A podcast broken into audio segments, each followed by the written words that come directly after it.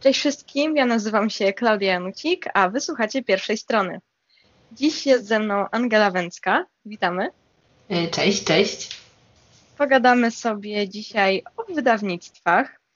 E, Angela e, założyła swoje własne wydawnictwo, więc pomyślałam, że dobrze byłoby jednak coś posłuchać z tej drugiej strony, jak wygląda wydawanie książek. Jako pierwsze e, pytanie muszę zapytać, e, czy wydawnictwo szuka jakiejś konkretnej tematyki powieści, czy e, skupia się na jakichś um, konkretnych, określonych przez siebie gatunkach, czy poruszają się też um, od horrorów po romanse przez, przez komedię? Wszystko przede wszystkim zależy od wydawnictwa. Jeżeli mówimy o dużych wydawnictwach, to one najczęściej mają różne swoje imprinty, różne swoje um, wydawnictwa dzieci, jak ja to mówię, czyli marki, które są jakby pod nimi, które wydają określony gatunek. Wszystko właśnie zależy od tego, jak działają. Um, mamy na przykład taki, e, takie wydawnictwo jak wydawnictwo Znak, jedno z najstarszych wydawnictw, i znak ma różnego rodzaju e, właśnie swoje imprinty. E, część z nich wydaje właśnie kryminały, część literaturę na przykład podróżniczą, poradniki, e, część zupełnie coś innego. Podobnie działa wydawnictwo kobiece, które jest jednym z młodszych wydawnictw, ale bardzo dynamicznie rozwijających się poprzez doskonałe działanie w sieci, to działanie promocyjne. Oni na przykład mają imprint Young, to jest imprint, który jest dedykowany książkom e, dla młodzieży, dla młodych dorosłych, dla młodych kobiet. Z drugiej strony mają nową markę Mowa, która e, wydaje thrillery, kryminały, e, głównie związane też z naszym krajem, z ciekawymi historiami. Więc to tak naprawdę wszystko zależy od tego, jak wydawca wymyślił sobie swój profil wydawniczy. Czyli teoretycznie autor e, nie powinien mieć problemów e, właśnie E, zastanawiając się, czy na pewno taki gatunek podpasuje temu wydawnictwu. Teoretycznie. Żeby się tego dowiedzieć, przede wszystkim musimy e, przeanalizować wydawnictwo, do którego chcemy wysłać swoją propozycję i najczęściej e, u wydawców widnieje coś takiego jak strona dla autora. Na tej stronie autor znajdzie informacje, czy Wydawnictwo wydaje fantastykę, czy wydaje poezję, czy wydaje horror, erotykę, obyczaj itd. Tak to jest zazwyczaj zanotowane. Jeżeli nie, e, często występuje notka pod tytułem e, Proszę zapoznać się z profilem wydawniczym. Jeżeli tak jest, to autor bardzo skrupulatnie właściwie powinien do tego podejść i na przykład zerknąć w E, zakładkę z nowościami, zerknąć, jakie gatunki są wydawane przez to wydawnictwo, może zerknąć też do zapowiedzi, jakie książki są zapowiadane. I jeżeli na przykład napisał thriller, Thriller jest taki ciekawy, nowoczesny, nie ma takich e, typowych e, zagrań dla thrilleru, ale jednocześnie wydawnictwo wydaje tego typu książki, to jak najbardziej może pisać. Natomiast jeżeli przyszedł z książką dziecięcą, ale wydawnictwo tak naprawdę w ogóle praktycznie nie wydaje książek dziecięcych, to będzie trochę troszeczkę strzał w e, kolano, ponieważ nikt mu na taką propozycję nie odpisze. A właśnie e, z tymi e, autorami jeszcze, jak wyglądają te poszukiwania autorów przez wydawnictwa? Czy oni w ogóle ich jakoś szukają, czy bazują tylko na tym, że autorzy sami się do nich zgłaszają? tak samo to zależy. W tej, tej branży wiele rzeczy zależy, ale mogę powiedzieć kilka różnych dróg. Na przykład moje wydawnictwo, z którym współpracuję jako autor, e, bo nie tylko wydaję samodzielnie, e, działa w ten sposób, że z jednej strony ma swoje, swoich ludzi, którzy szukają ciekawych książek na Wattpadzie, Wśród książek oczywiście, które mają milion, pół miliona wyświetleń, po prostu bardzo duży ruch i wtedy proponują autorom na przykład współpracę, bo książka um, pasuje do ich właśnie tego profilu wydawniczego. Z drugiej strony oczywiście odklikują wiele, wiele, wiele e, propozycji. Do największych wydawnictw może przyjść nawet 100 propozycji miesięcznie. To jest ogrom, żeby się z tym wszystkim zapoznać. Dlatego tak to wszystko przekopuje jedna osoba czy kilka? Y, kilka. Im większe wydawnictwo, tym więcej osób po prostu się tym zajmuje. Redaktor, który się tym zajmuje, nazywa się redaktorem inicjującym najczęściej, czyli redaktorem, który ma kontakt, który jest pośrednikiem, który przesyła tekst dalej do wewnętrznych recenzentów. Y, więc to jest tak naprawdę morze poszukiwań, a jeżeli mamy autora już, który coś wydał, to bardzo często niektóre wydawnictwa idą po prostu do tego autora, dostają wiadomość Jeżeli autor może wydawać z innym wydawnictwem, bo nie ma w umowie, że nie może, bo są też takie umowy, wtedy po prostu proponują współpracę. To są takie trzy najważniejsze drogi na ten moment. A tak jak teraz właśnie powiedziałaś, że um, czasami w umowie może być zawarte coś takiego, że autor nie może wydać książki z innym wydawnictwem. Ale czy takie, y, czy to można rozwiązać e, też e, self-publishingiem? E, to jest mniej więcej taka formułka, my to nazywamy wśród autorów lojalką, gdzie autor jest zobowiązany dostarczać e, każdą książkę na samym początku wydawcy, czyli nie może też ją wydać samemu, chyba że wydawca stwierdzi, że nie, tej książki nie wyda, bo coś tam, coś tam, coś tam. I dopiero wtedy autor może wysłać tą książkę innemu wydawcy lub wydać ją samodzielnie. E, najczęściej ja debiutantom radzę, żeby tą lojalkę usuwać. E, wielu moich znajomych by się z tym nie zgodziło, natomiast lepiej być wolnym niż zakutym w kajdany. No to z tym się chyba zgodzę jednak, że też mimo, że sama jeszcze nie mam takiego doświadczenia w wydawaniu książek, to ta lojalka jakoś tak nie... Coś, coś mi z nią ewidentnie nie podpasowało. Niewygodna jest. Tak. Um, a czy w ogóle autorom opłaca się współpraca z wydawnictwami? Bo jednak właśnie tak, jeśli chodzi o duże wydawnictwa, no to one są nastawione na komercję i na swój własny zarobek. E, jak oni odnoszą się z tym do autorów? Um, też zależy. Niestety. Natomiast jeżeli jesteśmy małym autorem, który ma, um, zaczyna dopiero, który ma jedną, dwie książki, to ten zarobek nie będzie duży. E, z tego względu, że jest mnóstwo nowości wydawanych. Książka, jeżeli sprzeda się w tysiącu egzemplarzy, to jest, to jest bardzo dobrze na samym początku. Um, więc ten zysk, e, na przykład z tysiąca egzemplarzy, kiedy mamy 15% na umowie, E, to wychodzi około 3-4 tysięcy dla autora. Cała reszta, to na przykład około 30 tysięcy, e, ląduje po prostu w kieszeni wydawcy. To jest oczywiście przykład, każdy autor ma inne procenty na umowie, ma też inne, inną zaliczkę. Natomiast jeżeli chcemy wydawać tylko i wyłącznie z wydawcą, musimy albo napisać bardzo dużo książek i wydawać je dość regularnie, czyli na przykład co 3-4 miesiące, żeby po prostu cały czas ta sprzedaż była duża, żeby na przykład wydając pierwszy tom, ten e, pierwszy tom za trzy miesiące miał podbitą sprzedaż przez to, że już jest zapowiedź drugiego, e, bo trzeba pamiętać, że czytelnicy niektórzy bardzo lubią najpierw kupować całe serie, a nie czekać na kolejne wydania. E, więc z tym zarobkiem jest tak, że no najczęściej autor nie zarabia tyle, ile by chciał, tyle, ile by mu pozwoliło, żeby sobie po prostu normalnie żyć. Kolejna sprawa to jest to, że wydawnictwa wypłacają bardzo różnie te pieniążki. To nie jest tak, że dostajemy pieniądze co miesiąc, ale dostajemy w najlepszym razie co kwartał, a w najgorszym razie raz na rok. Więc to jest duża suma, ale otrzymujemy ją po prostu raz e, na rok. I rzadko kiedy w umowach wydawniczych jest informacja, że ta, ta, te pieniążki dostanie się co miesiąc, z tego względu, że dystrybucja z małym wydawnictwem współpracuje tak, że dystrybucja również dopiero za 3 miesiące e, wydawcy wypłaca pieniądze za sprzedaż w księgarniach online, w księgarniach stacjonarnych itd. Tak a mogłabyś, byłabyś w stanie w ogóle powiedzieć, jaki jest taki maksymalny procent od sprzedaży dla autora? Hmm. Teoretycznie nie powinnam, ale e, czasami jest to, um, jest to na przykład 20%, e, 25%. To jest najwięcej, ile słyszałam od e, topowych takich autorek z gatunku, w którym się obracam. E, natomiast jeszcze warto wspomnieć tutaj o zaliczce. Zaliczka na poczet właśnie tych wszystkich, tych wszystkich e, sprzedanych egzemplarzy, to nawet potrafi dochodzić do 6, 8, 10 tysięcy złotych. To jest kwota, którą otrzymuje autor po podpisaniu umowy lub przy przygotowywaniu e, właśnie książki do druku, całych plików do druku. Więc to jest bardzo różne i wszystko zależy od tego, jak się też kłócimy z wydawcą na samym początku, że pokazujemy, że my chcemy więcej, bo to, to, to i to, bo to tyle możemy dać. Mm, lub jeżeli się nie da, po prostu przyjmujemy to, co jest e, i staramy się pisać kolejne i wydawać kolejne książki. Tak, mówimy o tym, e, o tych zarobkach dla autora, o tym dawaniu autorowi pieniążków, e, a jak to jest, e, jak to działa w drugą stronę? Czy już przy tej współpracy, kiedy autor zdecyduje się na współpracę z wydawnictwem, to czy mimo wszystko musi jeszcze włożyć jaką, jakieś swoje finanse, czy wszystko już jest po stronie wydawnictwa? Generalnie wydawnictwa tradycyjne, czyli takie, jakie ja mam, jakie, w jakim ja biorę udział, to są wydawnictwa, które biorą od autora jedynie tekst. I jego czas na poświęcenie na redakcję.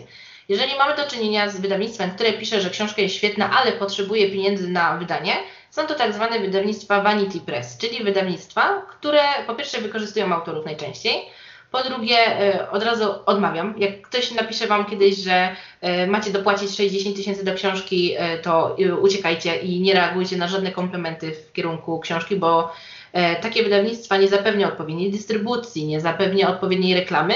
Ono zarabia na tym, że kasuje te pieniądze od autora, więc dla mnie to w ogóle nie są wydawnictwa, wydawnictwa takie tradycyjne, tylko wydawnictwo, które po prostu chce zarobić tak zwane wydawnictwo usługowe. Jeżeli mamy do czynienia właśnie ze Znakiem, z Pruszyńskim, z Zyskiem, z wydawnictwem kobiecym, z wydawnictwem Lirą, e, z wydawnictwem e, poznańskim, z wydawnictwem Muzeum Otwartym, to są wszystkie topowe wydawnictwa, które nie wezmą od autora nawet złotówki, ponieważ to oni inwestują e, w, w wydanie i dlatego autor najczęściej ma wtedy 10%, 15%, maks 20% właściwie procent od sprzedaży na przykład egzemplarza, bo jeszcze są różne modele sprzedaży i, i, różne procenty, to wszystko właśnie zależy od wydawcy, ale nie weźmie ani grosza od autora. Takie wydawnictwo. A to skoro tak, skoro te wydawnictwa już nie biorą, e, tradycyjnie oczywiście, e, nie biorą e, żadnej kwoty od autora, to jak duże pole do popisu ma ten autor, jeśli już jest o takich rzeczach jak redakcja książki czy projekt okładki? To nie wygląda tak, że wydawnictwo skupia się na tym samo, albo nie może w niektórych przypadkach nawet nie do końca chce dopuszczać autora do tego? W wydawnictwach e, dużych bardzo często są bardzo skomplikowane umowy, które mające nawet po 16, 15, 14 kartek. I to wszystko zależy od zapisów, e, które są w niej umieszczone. Akurat moje wydawnictwo, czyli wydawnictwo Editio, z którym współpracuję częściowo, ma napisane, że to ono e, dobiera redaktora. Oczywiście ja nie muszę się zgodzić z redaktorem na poprawki. Jeżeli poprawka widzę, że zaburza mi na przykład zachowanie bohatera, że zmienia zachowanie bohatera, że zmieni coś w dalszej części książki. I oczywiście pracując z redaktorem nie muszę się na to zgodzić. Natomiast gorsza rzecz jest z okładką, ponieważ wydawca duży ma swoje wypracowane e, schematy, ma swoich grafików, ma swoje też e, subiektywne patrzenie na, na okładki wydawnicze, dlatego autor może mieć e, czasami bardzo niezłą batalię z wydawcą na ten temat. E, ja na przykład zawsze, kiedy współpracuję z innym podmiotem wydawniczym, że nie wydaję sama, tylko z kimś innym, bo widzę, że to jest po prostu dla mnie opłacalne, staram się do umowy przemycić zapis, czy ja mogę mieć wgląd w okładkę. Moje okładki są bardzo dla mnie ważne, bo lubię, kiedy są niestandardowe, które nie ma tam gołych klat, nie ma tam sztampowych, y, sztampowych, sztampowych fotografii. Nie zawsze się to udaje, ale się staram. Też wtedy y, na tym etapie, kiedy mamy wybór okładki, składu, dyskutuję z wydawcą, y, w mailu oczywiście grzecznie, kulturalnie i po prostu wykładam swój punkt widzenia. Natomiast jeżeli w umowie autor ma, że wydawca decyduje o wszystkim, to bardzo często może mm, z tej dyskusji nic nie wyjść. Po prostu wydawca wyda książkę w takiej rzeczy graficznej, w jakiej on chce ją zobaczyć na rynku. Wyobrażam sobie tylko, jak, jakie to jest strasznie krzywdzące dla autora książki, który poświęcił tyle czasu w to swoje dziecko tak naprawdę, a potem już nawet nie może zadecydować o tym, jak ono będzie wyglądać. Jest ciężko, dlatego moja najważniejsza rada dla pisarzy, którzy już chcą wysłać książkę do wydawców, to bardzo uważnie czytać umowę. Jeżeli jakikolwiek zapis y, przed jej podpisaniem jest niefajny, dziwny, nie brzmi, to dyskutować o tym, rozmawiać, nie bać się. Nie bać się, że oczywiście są takie sytuacje, że autor chce dyskutować, a wydawca mówi wtedy, zabiera umowę i mówi, no to pa, no to ja nie chcę, nie, takiego autora. E, wszystko zależy od wydawców. Każdy wydawca, duży, mały, średni działa inaczej, e, ale w pewnych, w 80% autor da się, umie się dogadać z wydawcą. E, na przykład w romansach jest taki problem, że na okładce jest jeden i ten sam pan, to jest Polak, który jest na przykład na okładce 365 dni i w różnych pozach jest na okładce innych. Dlatego autorki się wycwaniły, ja bardzo to popieram. Mówić po prostu wydawcy, że panie wydawco, ta okładka już jest tu, tu, na tej książce, na książce nawet mojej znajomej. Zmieńmy to. Zobaczmy, czy w, w magazynie zdjęć nie ma po prostu jakiejś ciekawszej okładki, więc zawsze można działać Nie poddawać się też podczas procesu wydawniczego, bo wydawnictwa różnie traktują debiutantów, różnie traktują autorów, którzy się jeszcze nie wybili. Należy walczyć o swoje przede wszystkim w tym e, procesie, jeżeli wydajemy z wydawcą. No to powiem Ci, że nawet bym się nie spodziewała, że wszędzie może być ta sama osoba. Jakoś czytałam 365 dni, ale w ogóle nigdy się nie skupiałam na tym, że to jest ta sama postać w ogóle. A, e, a czytelniczki zwane srokami e, okładkowymi, jak same się nazywają, bardzo zwracają na to uwagę. Ostatnio nawet na rynku wybuchło kilka malutkich skandali pod tytułem Dlaczego ta okładka jest taka podobna do okładki autorki, która już jest znana. Także okładki to też jest temat bardzo emocjonujący. A nie podbiega to czasami może pod plagiat taki okładkowy? Nie, już tłumaczę dlaczego, na szybciutko. Um, takie zdjęcie bierzemy z banku zdjęć. W banku zdjęć mamy abonament. Zazwyczaj mają graficy wydawnictw lub graficy współpracujący. Na przykład w Adobe Stocku. E, no i mamy zdjęcie. Mamy fajne zdjęcie pan z gołą klatą, mamy romans erotyk, więc idealne. E, to zdjęcie może wykupić dowolna liczba osób. E, ponieważ wykupując to zdjęcie, nie wykupujemy y, go z wszystkimi prawami, jakie ono ma, tylko ono nadal jest do kupienia właśnie z tego banku zdjęć. Bo nie sprzedajemy jeden raz zdjęcia, możemy sprzedać kilka razy, kilkaset razy, kilkadziesiąt tysięcy razy jedno zdjęcie. Dlatego na przykład u mnie szukamy zdjęć bardzo długo lub y, zatrudniamy, będziemy zatrudniać grafików, którzy będą malować nam te okładki, e, właśnie żeby to się nam nie powtarzało. Jeżeli chcemy wykupić zdjęcie na własność, co jest bardzo, bardzo kosztowne, kosztuje to do kilkunastu tysięcy złotych tak naprawdę, bo to są jeszcze rynki zagraniczne, więc ceny są w euro lub dolarach, wtedy no, te koszty są po prostu nieopłacalne dla wydawcy. E, stąd po prostu są powtórki, nie jest to plagiat, ponieważ e, po prostu jest takie prawo do zdjęć. Żeby się ustrzec przed tym prawem, warto w tych bazach zobaczyć, ile razy to zdjęcie zostało płatnie pobrane Wtedy będziemy mieć odpowiedź, czy czasem już na jakiejś książce tego zdjęcia, e, czy już to zdjęcie się gdzieś nie pojawiło. No to bardzo ciekawe. To hmm. Naprawdę jestem teraz w ogóle zdziwiona, bo nie wiedziałam w ogóle, że takie rzeczy mają miejsce. No tak. ale dobra, e, chodźmy dalej, bo mam tu jedno pytanie w głowie i naprawdę bardzo zależało mi, żeby je zadać. E, czy jak wysyłamy swój tekst, swoją propozycję do wydawnictwa, um, i na przykład nie dostaniemy żadnej odpowiedzi, e, czy istnieje jakieś ryzyko, że wydawnictwo wyda tą książkę pod jakimś innym nazwiskiem, że po prostu ukradnie ten tekst?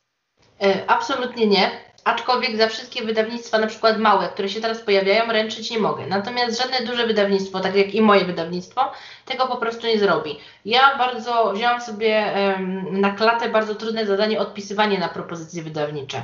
My działamy już 2-3 tygodnie, a ja już mam zalew po prostu propozycji wydawniczych. Niemniej każdą z nich chcę przeczytać i każdą z nich chcę się zapoznać.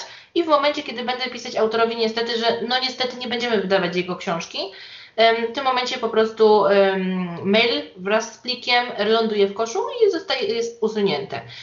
Jest też u mnie coś takiego, że chcemy działać bardzo fair według autorów, więc jeżeli autor na przykład ma bardzo dobry pomysł, ale siada mu warsztat, albo ma bardzo dobry pomysł, ale uciekły mu wątki, e, kiedy mnie zachwyci jego osobowość, e, jego pisanie, jego styl, to ja po prostu za taką książkę się wezmę i popracuję nad, nad nią razem z autorem, jako pierwszy redaktor, później będzie miał drugiego redaktora, trzeciego redaktora E, i dzięki temu będziemy mogli wyprowadzić taką perełkę po prostu do świata.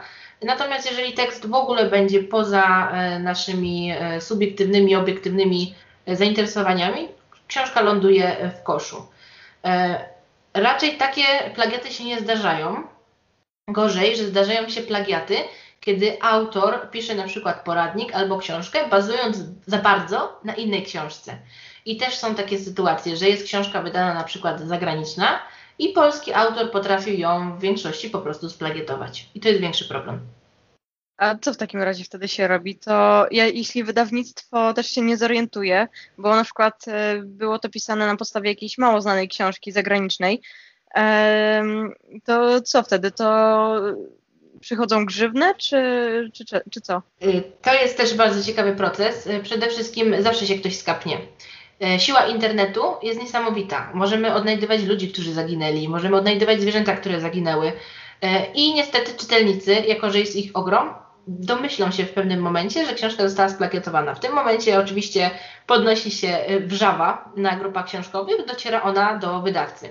Wydawca, żeby nie mieć takiej sytuacji, bo nie ma jakby on obowiązku znać każdej książki z każdego gatunku, to jest niemożliwe, to są tysiące, miliony książek już w tym momencie. A my jesteśmy tylko ludźmi.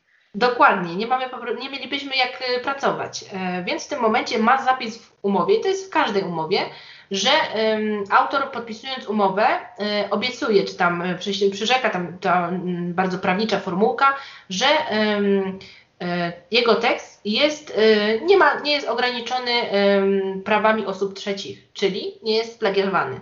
To dokładnie, to jest dokładnie o to chodzi, żeby tekst nie był splagiatowany. Jeżeli jest, to autor ponosi wszystkie koszty związane z procesem wydawniczym, z procesem sądowym, to on e, występuje w, e, w ramach osoby, która została oskarżona, nie zaś wydawnictwo, bo wydawnictwo ma tą formułkę, że ono przyjmuje tekst, pod którym autor zaświadcza, że jest wolny od wad prawnych, nie jest splagiatowany, nie jest ukradziony, nie jest, że jest to tylko tekst tego jednego autora, żadnego innego. I wtedy po prostu wydawnictwo oczywiście ma swoje problemy, bo wiele osób uważa, że to jest wina wydawnictwa, to jest wina autora. Wina autora że po prostu dał książkę, która została napisana na podstawie innej książki, tak za bardzo, za bardzo się inspirując. E, I to on zostanie obciążony właśnie e, karą, to on będzie stanie przed sądem, to on będzie musiał się tłumaczyć. Te sprawy niestety ciągną się latami, są przykre dla jednej i dla drugiej strony. Dlatego o, po prostu nie warto plagiatować. Nie warto, nie warto ryzykować. Tak, warto, czasami jakaś książka bardzo nas zachwyci i chcemy napisać fanfic i chcemy go później wydać, zmieniając na przykład imiona, nazwiska czy coś tam, ale to w końcu wyjdzie, bo czytelnicy są tak zaangażowani w swoje ulubione książki zwłaszcza, że to się po prostu pojawi i to wyjdzie. Chyba szczególnie ci od fantastyki. No tak. No dobrze, a co w sytuacji, kiedy um, napisałam książkę, e, chcę wydać tę książkę i napisałam ją według swojego pomysłu, ale ktoś się dopatrzy, że na przykład ona jest dosyć podobna do czegoś innego.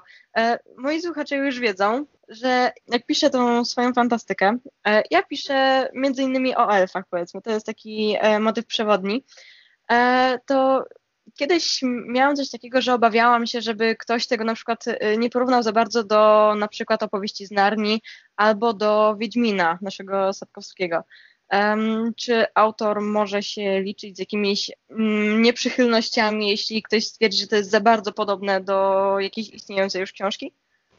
Jeżeli, może tak, jeżeli chodzi o plagiat, e, to jeżeli jest podejrzenie tylko plagiatu, e, to ono się odbywa głównie na poziomie fabularnym, czyli że na przykład bohater e, książki niesplagiatowanej, czyli tej pierwszej, idzie i robi bardzo podobne rzeczy, co bohater w książce splagietowanej, nie? Na przykład mamy po prostu fabułę o tym samym.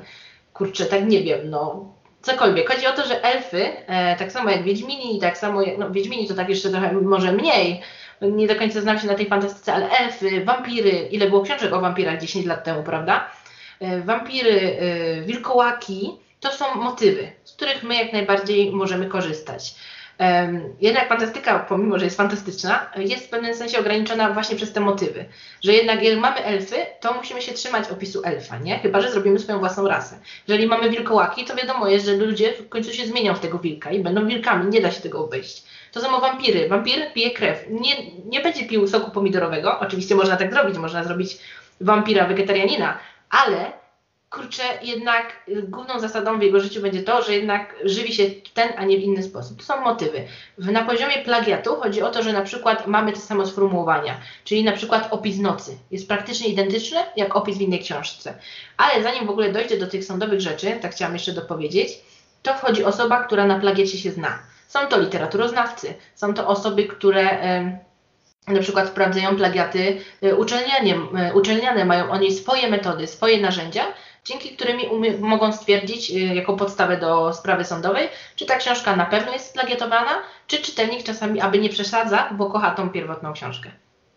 No to wydaje mi się, że ja w takim razie nie mam się raczej na Myślę, pewno co bać. Jak najbardziej nie. To, y, że masz elfy i różne inne stwory fantastyczne, to jest motyw, z którego korzystasz. Motywy, które są wszędzie, w grach, y, planszówkach, filmach. Znaczy właśnie tak, motyw jak motyw, ale u mnie właśnie występuje e, coś takiego, że główna bohaterka zostaje przeniesiona do innej krainy, co no i coś podobnego jest właśnie w Narni, że to rodzeństwo um, przechodzi przez szafę do też zupełnie obcej krainy.